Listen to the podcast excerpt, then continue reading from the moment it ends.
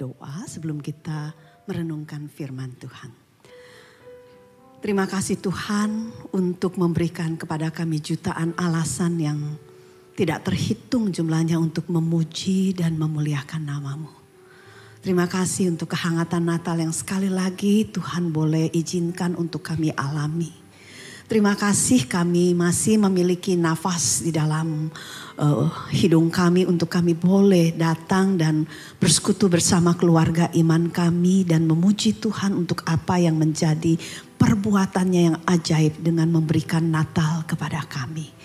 Terima kasih karena telah mau lahir bagi setiap kami Terima kasih karena mengambil kami menjadi milik kepunyaanmu dan menyatakan kasihmu yang sedemikian besar dan dahsyat. Sehingga engkau bukan hanya rela datang menjadi bayi Natal. Tetapi kemudian naik ke atas kayu salib mati dan bangkit bagi kami. Dan kami masih terus menantikan kedatanganmu untuk menjemput kami di awan-awan. Terima kasih karena di tengah pandemi yang memporak-porandakan tatanan kehidupan kami dan semua hal yang menjadi perencanaan kehidupan kami. Tuhan, kami boleh pasti di tengah kekacauan dan disrupsi yang kami alami, Engkau ada bersama dengan kami. Biarlah Allah Immanuel yang telah berbicara kepada setiap kami bahwa engkau menyertai kami bukan hanya menjadi sebuah uh, slogan di dalam iman kami, tapi biarlah itu boleh menjadi sebuah kebenaran yang kami hayati dan hidupi, sehingga hidup kami menjadi sebuah kehidupan, menjadi tempat di mana Allah leluasa mendisplay kehadirannya lewat apa yang kami lakukan dan kami ekspresikan lewat kehidupan kami. Saat ini kami siap untuk mendengarkan firman-Mu. Kami siap untuk membaca dan merenungkannya. Tuhan tuntun setiap kami untuk boleh masuk ke dalam kebenaran seperti yang kau kehendaki. Dan biarlah kau boleh memakai hambamu yang sederhana untuk boleh menyampaikan apa yang Tuhan ingin kami dengar. Kami sama-sama mau duduk di kakimu kami mau sama-sama membawa hati seorang Maria yang merenungkan segala sesuatu yang kau katakan dan membiarkan kebenaran itu mengendap di dalam hati kami, membangun iman kami dari dalam keluar. Berbicaralah kepada kami Tuhan karena kami siap untuk mendengar. Di dalam nama Tuhan kami Yesus Kristus kami berdoa dan memohon. Amin. Selamat pagi Bapak Ibu yang kekasih dalam Tuhan. Senang sekali boleh berada di tengah keluarga GKBJ Kelapa Gading. Pak, Pak Randy berulang kali mengingatkan saya adalah bagian daripada GKBJ ya. Ya, selamanya itu adalah realita yang tidak akan bisa dihapuskan. Sudah berada di Bandung selama 22 tahun, setiap kali kembali ke GKBJ selalu merasakan seperti kata orang mah Wen Yang Chia gitu ya. Sekalipun saya bukan bagian daripada kelapa gading, tapi saya menemukan teman-teman yang membuat saya terhubung kembali dengan akar saya di GKBJ. Cici saya di depan ini sama Koko gitu ya. Dan ada banyak lainnya ya. Nah Bapak Ibu sekalian kita memasuki satu bulan yang setiap tahun kita dibawa kembali ke basic setiap Natal kita dibawa untuk merenungkan kembali apa yang menjadi perbuatan Tuhan yang besar, rencana yang sangat mulia untuk bisa memberikan keselamatan kepada setiap kita. Sebuah rencana yang begitu besar dan hanya dia yang sanggup untuk menggenapinya dan dia membuktikan hal itu di dalam perjalanan sejarah keselamatan. Kalau kita melihat kembali kepada peristiwa-peristiwa Natal, di sana kita diteguhkan untuk melihat bahwa Allah yang berbicara kepada setiap kita, yang berjanji kepada kita tentang apa yang akan dia kerjakan untuk bisa menyelamatkan kita dari kebinasaan adalah Allah yang sendiri memimpin perjalanan sejarah keselamatan itu sendiri. Kita melihat bagaimana janji itu diberikan kepada kita di saat Allah memberitakan kejatuhan manusia di dalam kejadian pasal yang ketiga dan kemudian bagaimana dia mengatakan kita akan diselamatkan oleh keturunan wanita itu bukan hanya sebuah janji yang disampaikan kemudian dilupakan. Tetapi sebuah janji yang dia pimpin secara mendetil dengan segenap kedaulatan dan kekuasaannya. Sehingga Galatia 4 dan ayat 4 mengatakan ketika tiba genap waktunya yang sudah ditentukan oleh Allah. Maka apa yang dia janjikan kemudian digenapi secara sempurna. Nah ketika saya diberikan tema jadilah padaku. Kata ini saya yakin membuat kita familiar sekali dengan siapa yang menjadi tokoh yang mengucapkan perkataan ini. Yang kita pelajari pada hari ini tentang bagaimana respon dia terhadap apa yang Tuhan singkapkan menjadi kehendak Tuhan. Ketika Tuhan memilih dia menjadi seorang wanita yang istimewa satu-satunya karena kelahiran dari anak darah adalah satu-satunya peristiwa di dalam semesta ini dan tidak pernah akan terulang lagi dan dia menjadi seorang wanita di dalam anugerah Tuhan, dipilih secara istimewa untuk menggenapkan rencana yang sudah ribuan tahun dinyatakan oleh Allah dan disingkapkan sedikit demi sedikit secara progresif semakin jelas dan kita bisa menemukan bagaimana sampai nama daripada bayi itu pun sudah dimention 700 tahun sebelumnya. Jadi kalau kita membuka kitab uh, Injil untuk bisa melihat kisah daripada kegenapan Natal yang uh, kegenapan keselamatan di dalam berita berita Natal yang diberikan kepada kita itu tidak tiba-tiba terjadi di sana. Karena Allah menunjukkan kepada kita keagungan daripada kuasanya, ke, kedaulatannya dan bagaimana dia menjadikan janjinya itu tergenapi secara sempurna. Nah, ketika kita melihat bagian ini kita tentu mengingat seorang wanita sederhana seorang gadis remaja yang dari kota yang mungkin tidak diperhitungkan, kota Nazaret, tetapi menjadi orang yang menunjukkan kepada kita ketika Allah memilih seseorang, Allah akan mendapati orang itu tidak peduli di mana pun dia berada.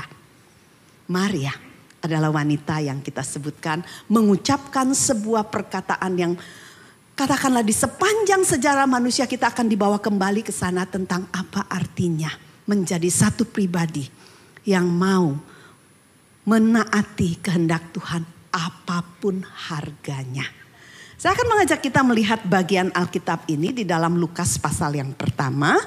Ini adalah satu berita yang kita baca sebagai sebuah kisah yang istimewa bagi seorang Maria dan tentunya membawa kita kepada kebenaran yang mungkin tidak selalu dengan sengaja kita akan pikirkan sebagai sebuah kebenaran yang sangat penting, sebuah kebenaran yang sangat agung dan membawa kita sekali lagi memiliki sebuah alasan untuk tunduk di hadapan Tuhan untuk memuji kebesarannya karena penggenapan yang dia kerjakan atas janji keselamatan. Kita akan melihat di dalam Lukas pasal yang pertama ayat ke-26 sampai dengan ke-38 demikian firman Tuhan.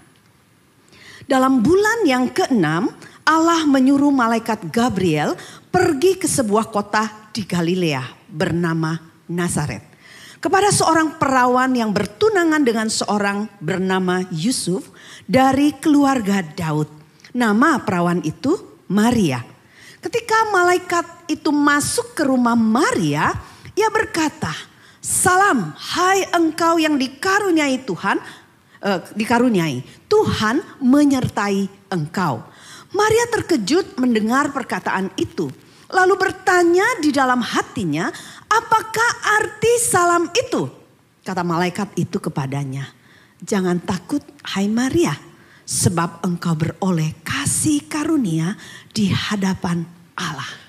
Sesungguhnya engkau akan mengandung dan akan melahirkan seorang anak laki-laki dan hendaklah engkau menamai dia Yesus. Ia akan menjadi besar dan akan disebut anak Allah yang maha tinggi. Dan Tuhan Allah akan mengaruniakan kepadanya tahta Daud bapa leluhurnya. Dan ia akan menjadi raja atas kaum keturunan Yakub sampai selama-lamanya dan kerajaannya tidak akan berkesudahan. Kata Maria kepada malaikat itu, bagaimana hal itu mungkin terjadi? Karena aku belum bersuami. Jawab malaikat itu kepadanya, Roh Kudus akan turun atasmu dan kuasa Allah yang Maha Tinggi akan menaungi engkau, sebab itu anak yang akan kau lahirkan itu akan disebut kudus, anak Allah. Dan sesungguhnya Elizabeth sanakmu itu. Ia pun sedang mengandung seorang anak laki-laki pada hari tuanya dan inilah bulan yang keenam bagi dia yang disebut mandul itu. Sebab bagi Allah tidak ada yang mustahil. Kata Maria, sesungguhnya aku ini adalah hamba Tuhan. Jadilah padaku menurut perkataanmu itu. Lalu malaikat itu meninggalkan dia. Ini adalah firman Tuhan. Bapak Ibu yang kekasih, Natal ketiga yang kita rayakan tahun ini selama masa pandemi tentu saja membawa sebuah pengalaman yang berbeda di dalam perjalanan kita sebagai pribadi, sebagai anak Tuhan. Ada banyak sekali hal yang kita ditarik dan dipaksa untuk melakukan evaluasi baik terhadap hubungan kita dengan orang-orang di sekitar kita, orang-orang berharga yang Tuhan tempatkan di dalam kehidupan kita, cara kita untuk menjalani kehidupan, keterlibatan kita di dalam sebuah komunitas iman, gereja lokal di mana Tuhan menanamkan kita. Saya nggak tahu apa yang menjadi kesan Bapak Ibu sekalian setelah tiga tahun merayakan Natal di dalam keterbatasan. Mungkin relaksasi sudah kita lakukan lebih longgar ya. Tadi semua uh, Kuiva mengatakan pada saya gitu ya kita mulai melakukan caroling. Tapi tahu juga kita bahwa ada banyak sekali orang yang masih belum nyaman untuk bisa kembali kehidupan yang normal seperti sebelumnya kan. Dan kehidupan yang kita miliki, perjalanan kita sejak pandemi saat ini tidak lagi akan sama dengan sebelumnya. Betul? Tetapi kita menemukan bahwa di tengah realita di mana kehidupan dan kematian berjalan beriringan, janji Tuhan itu tetap sama. Di mana dia adalah Allah yang lahir bagi kita di dalam pribadi Yesus yang kita rayakan di dalam bulan Natal sebagai pribadi Allah yang berjanji menyertai kita dan kematian pun tidak akan sanggup memisahkan kita dari kasihnya. Jadi ada dua realita yang membawa saya untuk kembali mengingat betapa dahsyatnya kelahiran Yesus sebagai pribadi Allah Immanuel bagi setiap kita. Dan Allah mengatakan bahwa bayi yang dilahirkan oleh Maria itu harus diberikan nama Yesus yang artinya Tuhan adalah keselamatan bagi setiap kita. Mungkin tidak setiap anggota keluarga kita selamat dari pandemi ya seperti satu pendeta yang mensharingkan kepada saya 18 orang anggota jemaatnya dari satu keluarga pergi ke surga karena pan, karena covid dalam waktu tiga bulan dan itu adalah pengalaman dari banyak keluarga sehingga kedukaan selama masa covid ini adalah kedukaan yang kita harus hadapi sebagai sebuah kedukaan yang tidak wajar. Kita nggak bisa pada saat-saat awal terutama ya nggak bisa meratapi kehilangan secara gradual seperti itu karena proses kedukaannya pun dipersingkat dan banyak hal yang ritual yang harus kita tiadakan oleh karena situasi yang ada. Dan saya yakin di dalam situasi seperti itu banyak pertanyaan. Di manakah Tuhan ketika kita sedang mengalami semuanya itu? Tidak semua orang melewati pandemi ini dengan iman yang semakin diperkuat. Ada banyak sekali yang mengalami kekecewaan kepada Tuhan. Dan saya berharap bahwa ketika kita sama-sama ada di dalam momen seperti ini. Kita masih bisa berkata seperti Maria. Jadilah padaku Nah, perikop yang kita bacakan mengajak kita untuk mengingat kembali kebenaran penting yang sangat mendasar sekali yang mungkin tidak setiap waktu atau jarang bahkan kita pikirkan sebagai penggenapan daripada sebuah kebenaran yang luar biasa mulianya. Kita menemukan bagaimana nubuatan yang tadi saya katakan ribuan tahun disingkapkan Allah yang berinisiatif untuk bisa memberikan keselamatan kepada manusia dengan cara yang sama sekali tidak ada di dalam bayangan kita. Digenapi ketika berita ini disampaikan kepada Maria, nubuatan itu mencapai titik kulminasi. Setelah 400 tahun Tuhan silent. Tiba-tiba Tuhan berbicara Pertama-tama di dalam perikop di atas sebelum kita membacakan perikop tentang Maria menerima berita daripada malaikat itu. Tuhan berbicara kepada seorang Zakaria. Mempersiapkannya untuk sebuah peristiwa besar juga. bagaimana Elizabeth istrinya, keduanya sudah menjadi seorang yang uzur, akan menjadi alat di tangan Tuhan menyiapkan seorang pembuka jalan bagi Yesus yang akan lahir sebagai Mesias terjanji. Tetapi ada kebenaran yang lebih mendasar lagi yang sebenarnya kita mungkin tahu tetapi kita jarang renungkan satu kepentingan atau signifikansi daripada doktrin ini. Yaitu kelahiran melalui seorang anak darah. Alkitab menceritakan kepada kita bagaimana Yesus akan menjadi pribadi yang lahir Disebut sebagai anak Allah yang maha tinggi dan menggenapkan berbagai macam nubuatan. Tapi pada saat yang sama dilahirkan lewat sebuah proses yang tidak biasa.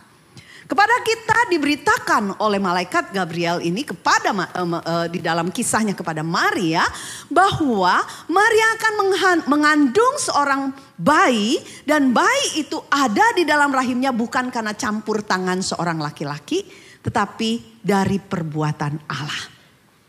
Malaikat menceritakan bagaimana Roh Kudus akan turun menaungi Maria dan kekuasaan Allah yang maha tinggi akan meletakkan benih itu di dalam benih di dalam rahim Maria, sebuah peristiwa yang sangat tidak biasa dan mungkin tidak akan pernah kalau kita katakan dibayangkan oleh Maria akan terjadi kepada dirinya. Kelahiran melalui seorang anak darah adalah satu doktrin yang sangat penting dan unik sekali di dalam keyakinan keimanan kita. Dia yang dijanjikan sebagai Mesias tidak bisa hanya seorang manusia sejati. Tapi dia juga harus satu pribadi Allah untuk bisa menggenapi apa yang menjadi kebutuhan keselamatan bagi umat manusia. Saya saya nggak akan mengajak kita untuk bisa masuk ke dalam lautan tentang pengajar, uh, tentang apa doktrin-doktrin yang kering di sana, tapi saya merasakan ada kesegaran ketika kita merenungkan kembali keunikan kelahiran Yesus melalui anak darah. Karena ini menjadi sat, salah satu keunikan kekristenan yang mungkin kita tidak selalu hargai sebagai sebuah perbuatan campur tangan Allah yang sangat ajaib sekali. Nah saudara ketika saya mempersiapkan renungan ini, saya sempat kemudian membaca apa yang dituliskan oleh seorang John Calvin, Bapak Reformasi, tentang kebenaran kelahiran melalui anak darah dan mengapa Mesias itu harus satu pribadi Allah dan juga manusia. Dia mengatakan singkatnya karena baik sebagai Tuhan saja dia tidak dapat merasakan kematian maupun sebagai manusia saja dia tidak dapat mengatasinya. Dia menggabungkan kodrat manusia dengan ketuhanan sehingga untuk menebus dosa dia dapat menyerahkan kelemahan yang satu kepada kematian dan bahwa ketika dia bergulat dengan kematian dengan kekuatan natur yang lain itu natur ilahinya dia dapat memenangkan kemenangan bagi kita. Ketika saya membiarkan kebenaran ini mengendap ke dalam hati saya, saya menyadari Allah melakukan perbuatan yang sangat tidak biasa sekali untuk bisa menjangkau kita dan mengulurkan kepada kita sebuah keselamatan dari kematian kekal. Dan inkarnasi Yesus datang untuk menjadi manusia digenapi di dalam malam Natal pertama dan Allah memilih seorang Maria dengan rahim perawannya menjadi platform kelahiran daripada anak Allah. Dia harus pribadi manusia, tetapi manusia sempurna tanpa dosa. Itulah sebabnya Roh Kudus Tuhan menaungi Maria dan benih yang diletakkan di dalam rahim itu dinyatakan kepada kita sebagai benih bayi yang kudus. Karena hanya manusia yang tanpa dosa inilah yang bisa menebus manusia berdosa. Dan pada saat yang sama dia pribadi Allah sehingga dia memiliki kuasa untuk melakukannya bagi setiap kita. Dan ketika merenungkan kebenaran ini saya dibawa kepada sebuah ketundukan sekali lagi kepada Tuhan untuk bisa melihat betapa luar biasanya anugerah Tuhan disediakan bagi setiap kita. Saya nggak tahu apakah berita ini menggetarkan masih menggetarkan hati kita karena terlalu sering merayakan Natal, kebenaran yang penting menjadi terasa biasa. Tapi saya kira ini menjadi sesuatu hal yang menarik sekali untuk sekali lagi kita renungkan di hadapan Allah untuk bisa merasakan sekali lagi sebuah kedahsyatan daripada penggenapan karya keselamatan yang Allah kerjakan secara detil, secara sempurna, secara presisi untuk bisa menyediakannya bagi setiap kita. Kita tahu bahwa di dalam perjalanan kisah ini kita menemukan Allah menggunakan dua wanita sebagai sebuah kisah yang katakanlah back to back seperti itu untuk membawa kita melihat bagaimana Allah melibatkan manusia di dalam karya penebusannya. Kita melihat ada dua wanita yang diangkat di dalam kisah Gabriel menyampaikan pesan kepada Maria.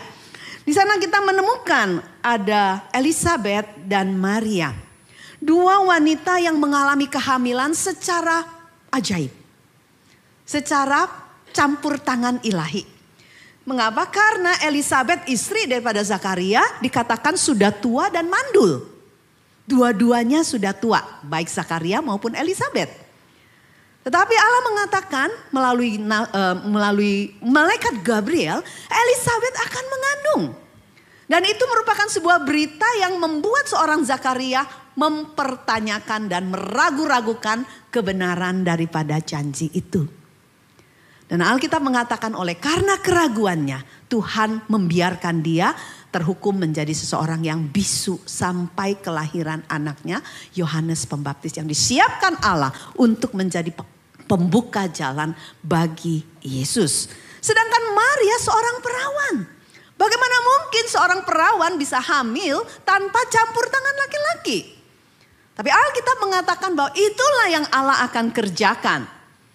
Dan ketika kita melihat dua wanita ini dipilih oleh Allah, mereka dipilih untuk melahirkan dua laki-laki yang istimewa. Dengan cara yang sangat ajaib. Nah kalau kita melihat paralel kisah daripada dua wanita ini, Bapak Ibu dan saya bisa melihat bagaimana Allah mengerjakan secara sempurna setiap detil peristiwa ini. Pada Zakaria, dia memberitakan melalui malaikat Gabriel. Dan setelah proses kehamilan itu, Elizabeth bersembunyi selama lima bulan. Sebagian ahli mengatakan dia merasa malu dengan apa yang terjadi dengan dirinya. Baru pada bulan ke-6, dia mengalami breakthrough di sana. Dia katakan mulai saat itu Tuhan mengangkat aib dari kehidupannya. Karena bagi seorang wanita Yahudi, kemandulan adalah sebuah hukuman, sebuah uh, kutukan, sebuah aib. Dan Tuhan berbicara kepada Maria setelah enam bulan kehamilan seorang Elizabeth dengan menyampaikan sebuah berita yang sangat dahsyat bahwa Maria akan mengandung. Dan Alkitab mengatakan malaikat memberikan tanda kepada Maria tentang apa yang menjadi sebuah verifikasi daripada berita yang benar ini.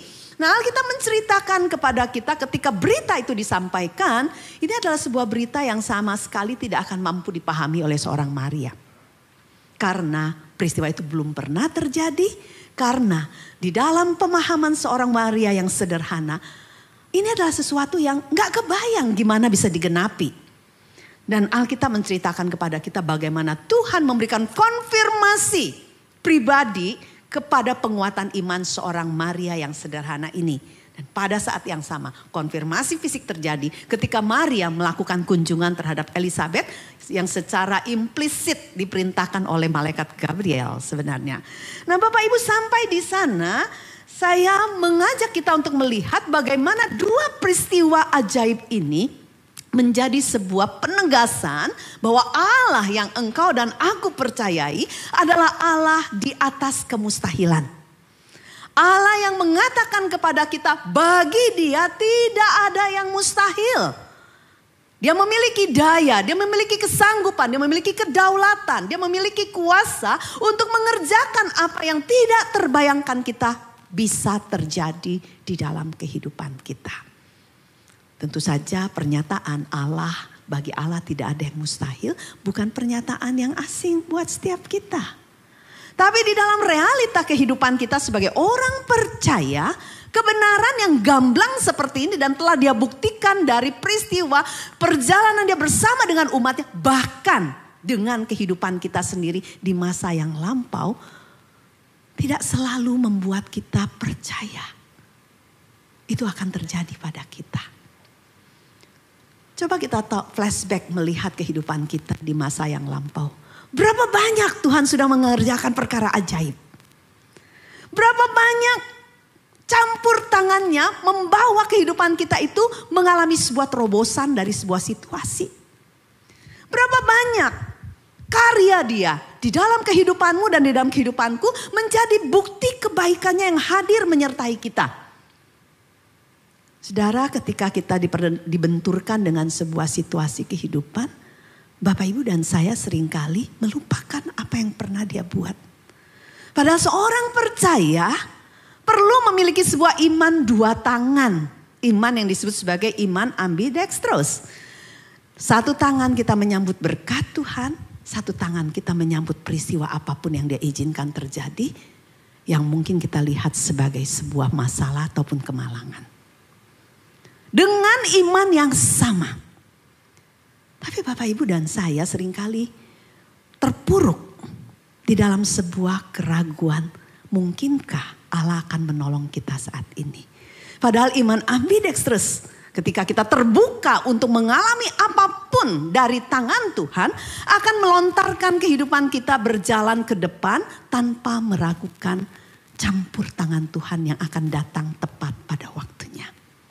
Bagaimana kita bisa mengimani dia telah menolong kita pada masa yang lampau dan dia adalah Allah yang ada bersama dengan kita saat ini dan sudah ada di masa depan untuk menolong dan memimpin kita adalah sebuah iman yang kita bisa saksikan terjadi di dalam kisah sederhana ini.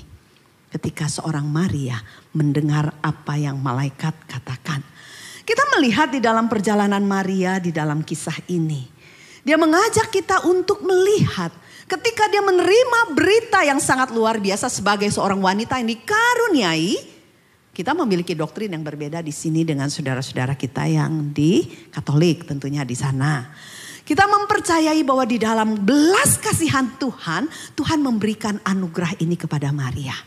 Memilih dia sebagai pribadi yang menerima karunia dari Allah untuk menjadi seorang wanita yang melaluinya anak Allah akan dihadirkan dengan mengambil sisi kemanusiaan melalui sebuah proses kelahiran seorang bayi. Dan kita melihat ketika mendengar berita itu Maria bertanya-tanya di dalam hatinya sebagai seorang wanita di dalam kesederhanaannya, dalam kerendahan hatinya. Dia merasa salam itu apa artinya? Ketika kita melihat berita ini kita menemukan seorang yang sederhana mendengar apa yang sangat luar biasa dan dahsyat. Wajar dia mengalami sebuah situasi mempertanyakan apa arti salam ini bagi dia. Apakah dia seseorang yang layak untuk menerima salam itu? Sebagian ahli mengatakan itu pertanyaan yang muncul. Tetapi yang kita lihat bahwa ini adalah reaksi yang sangat wajar sekali ketika ada sebuah kehendak Tuhan yang sangat besar disingkapkan untuk bisa menjadi sebuah perjalanan bagi dia. Tapi Alkitab menunjukkan kepada kita ketika Tuhan mengirim kita masuk ke dalam sebuah perjalanan yang unknown, yang tidak kita kenali. Bapak ibu sekalian, Tuhan gak pernah mengutus kita masuk ke sana sendirian. Ya, saya mengingat bagaimana seorang Billy Graham mengatakan, Tuhan gak mungkin mengirim kita memasuki sebuah perjalanan atau sebuah pengalaman ke tempat di mana yang Tuhan sendiri gak mau jalani. Atau dengan kata lain, dia tidak akan mengutus kita masuk ke dalam sebuah pengalaman jika anugerahnya tidak sanggup menjangkau kita dan kehadiran dengan kekuasaannya itu tidak menyertai kita. Maria diutus untuk memasuki sebuah pengalaman yang unknown, tidak dikenali. Daerah wilayah yang tidak terpetakan. Kalau kualitas kita suka memakai istilah itu wilayah tidak terpetakan di mana Allah mengundang dia untuk mengalami Tuhan dengan cara yang belum pernah sebelumnya dan mengalami sebuah pergaulan dengan Tuhan di tempat yang baru dengan pengalaman yang baru. Bapak Ibu yang sekalian, Bapak Ibu dan saya adalah orang-orang yang sering kali terlalu butuh kendali atas kehidupan kita.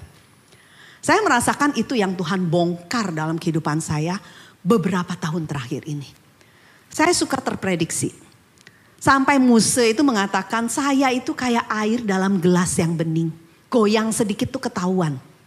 Ya, dan dia selalu mengatakan karena saya menjadi dosen, saya itu semuanya tuh terprediksi, terencana, terstruktur.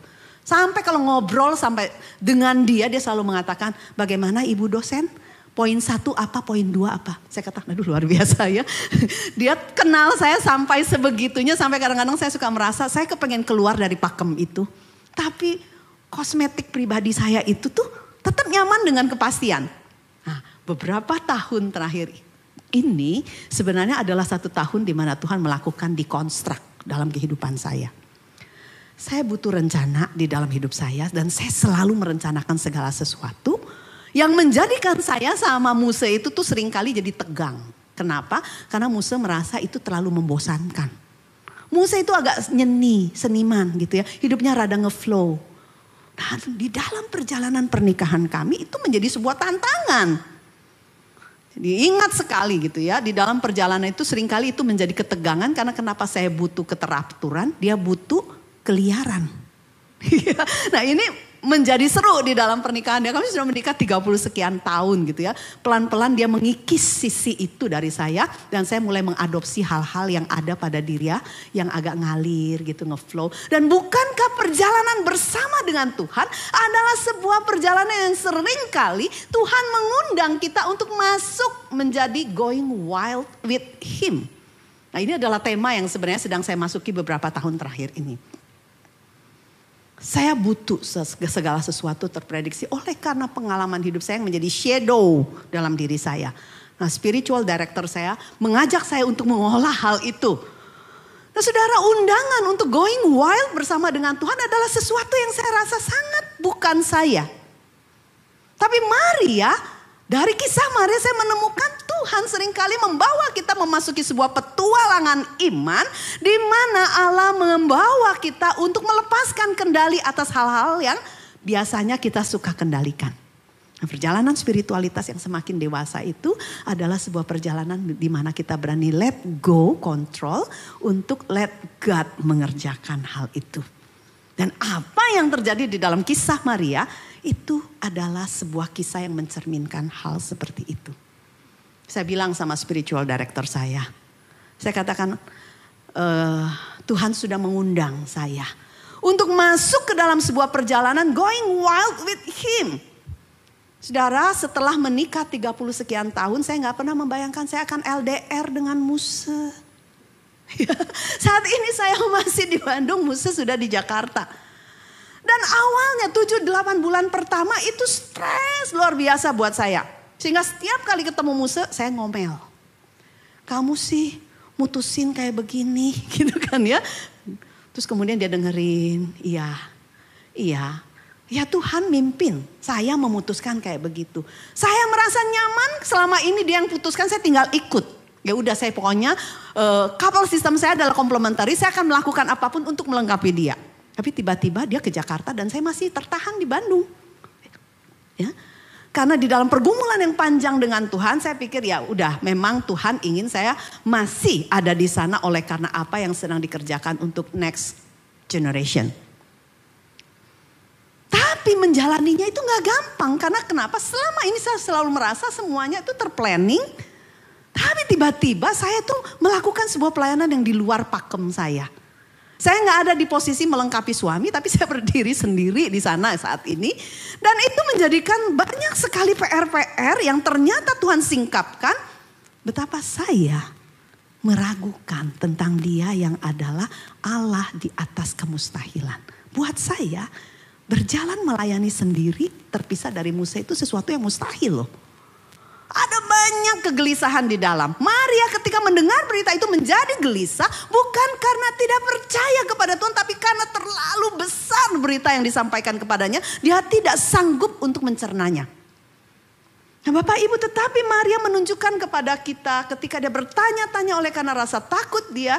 Kita melihat ketika dia bingung bagaimana mungkin berita itu akan terjadi.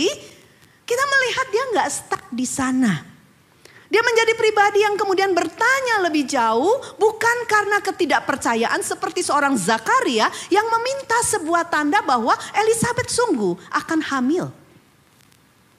Dan malaikat itu menyingkapkan Zakaria bertanya dan mengejar informasi sebagai sebuah wujud ketidakpercayaan.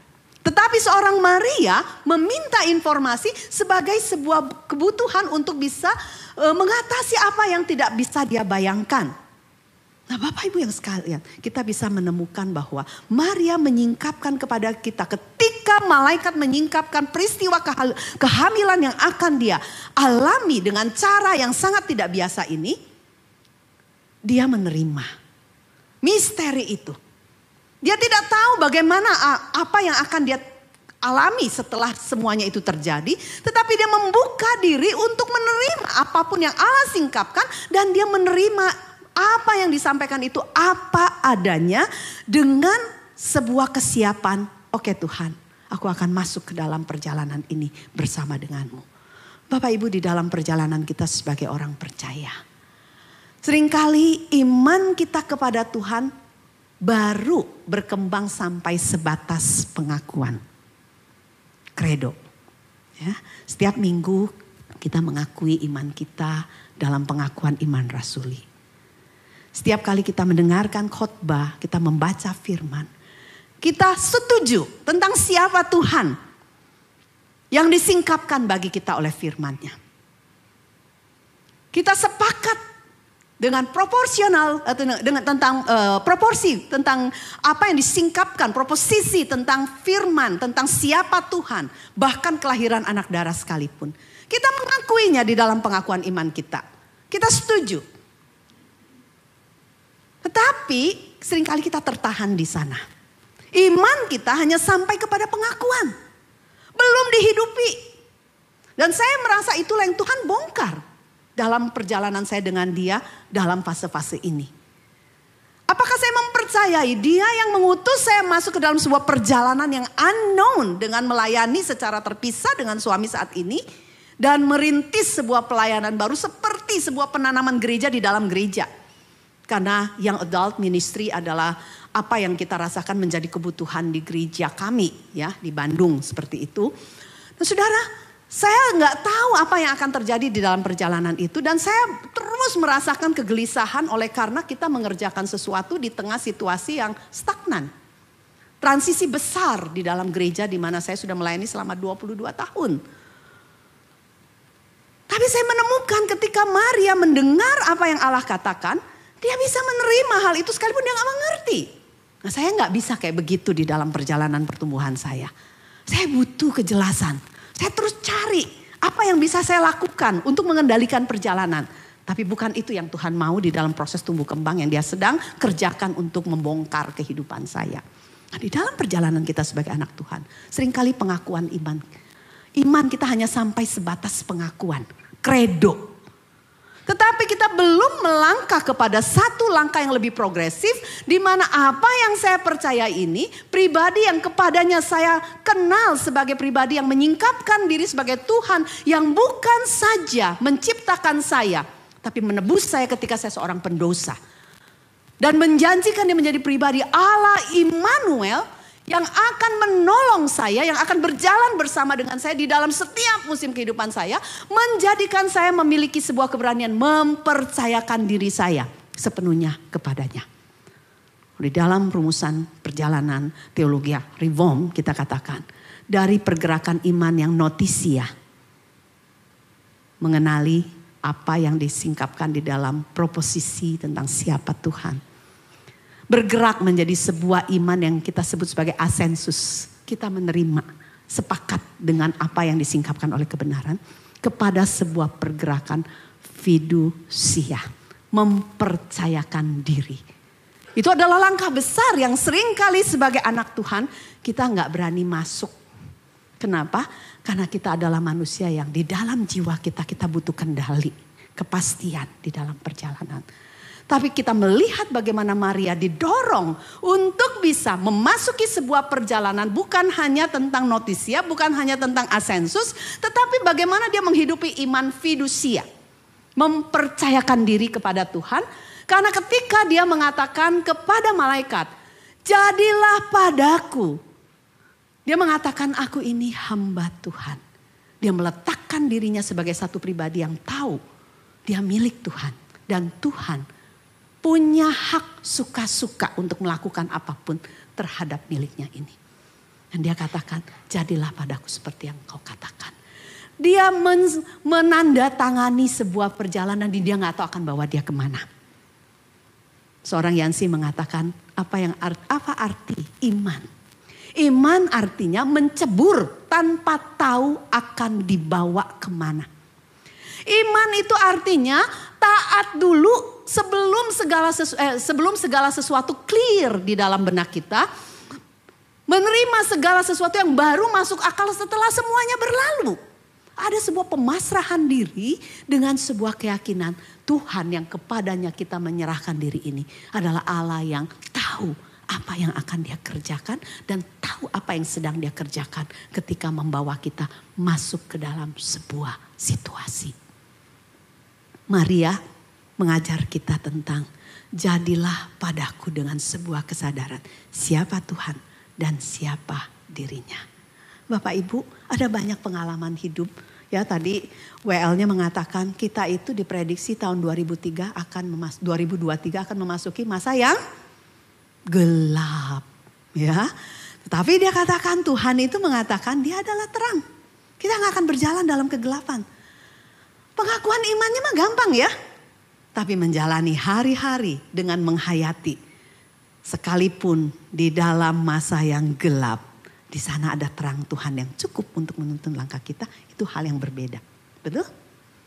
Saudara dan saya diundang untuk mengingat sekali lagi pribadi Allah yang lahir bagi kita di Natal pertama yang kita peringati dari tahun ke tahun adalah satu pribadi yang adalah Yesus yang artinya Allah lah keselamatan. Yang dilengkapi dengan apa yang dikatakan dia akan disebut Immanuel, Allah yang menyertai kita. Dan Maria yang terlibat di dalam peristiwa itu tidak tahu status sosial dia akan menjadi seperti apa. Tidak tahu hubungannya dengan Yusuf akan menjadi seperti apa. Tapi yang dia tahu Allah yang mengundang dia untuk masuk ke dalam perjalanan penggenapan janji Mesias adalah Allah yang akan bertanggung jawab untuk apa yang dia tidak ketahui. Saudara, ketika kita menjadi seorang anak Tuhan, sebenarnya kita dipanggil untuk bisa menjadi pribadi yang berani memasuki perjalanan kehidupan dengan musim yang seperti apa pun tanpa digentarkan oleh situasi itu. Karena realita yang pasti yang Tuhan sudah jaminkan kepada kita, Dia Allah yang akan hadir menolong dan menyelamatkan kita. Dan dia Allah yang berjanji sekali-kali tidak akan meninggalkan kita. Bukan hanya sebuah janji yang dia minta untuk bisa kita akui dalam pengakuan iman kita. Tapi sebuah janji yang dia ingin kita hayati. Dan menuntun langkah kita di dalam ketidakpastian masa depan yang sedang kita hadapi. Oleh karena berbagai macam situasi politik dunia yang ada. Masihkah kita bisa menjadi seperti Maria di masa-masa seperti ini? Yang mengatakan kepada Tuhan, sesungguhnya aku adalah hamba Tuhan. Jadilah padaku apa yang engkau katakan. Tuhan gak pernah mengutus kita masuk ke sebuah pengalaman dan sebuah perjalanan di mana dia sendiri gak jalan bareng kita ini adalah sebuah janji yang sekali lagi saya biarkan mengendap di dalam perjalanan kehidupan saya sebagai pribadi dan seorang pelayan. Tapi ini juga berita Natal yang saya rindu.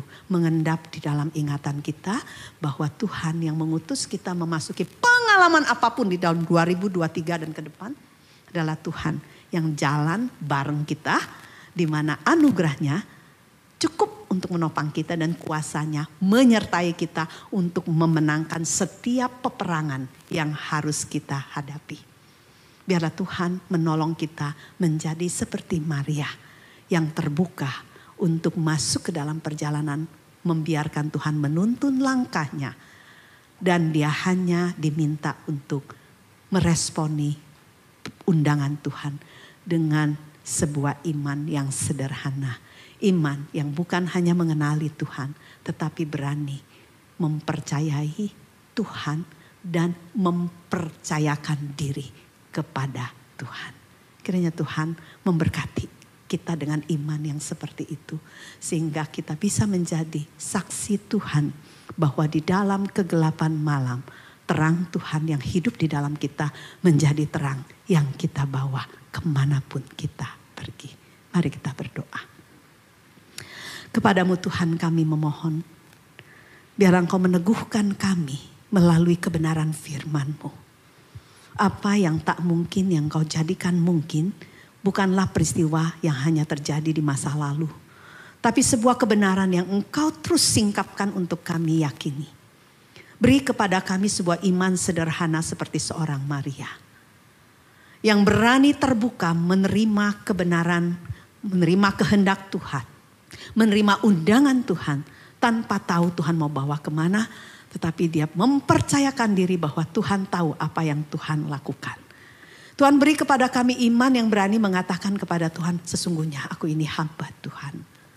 Sebuah iman yang tahu diri.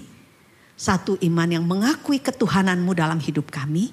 Dan kemudian kami meresponi mengatakan, jadilah padaku di dalam sebuah keterbukaan apa pun yang Tuhan ingin kerjakan untuk memakai ataupun membentuk kehidupan kami. Berkati jemaatmu di dalam pergumulan yang sedang dihadapi, kegentaran, kegelisahan, dan juga ketidakpastian yang mungkin membuat begitu banyak hal muncul menjadi sebuah kegelisahan. Tuhan, ingatkan kepada kami engkau adalah Allah yang sudah ada di masa lalu mengerjakan pekerjaanmu, ada di masa sekarang dan sudah ada di masa depan di mana kami berjalan di dalam kungkungan kasih Tuhan yang sempurna dan intervensimu tidak pernah akan terlambat untuk menolong dan menyelamatkan kami. Terima kasih untuk kebenaran ini. Di dalam nama Tuhan Yesus kami memohon. Amin.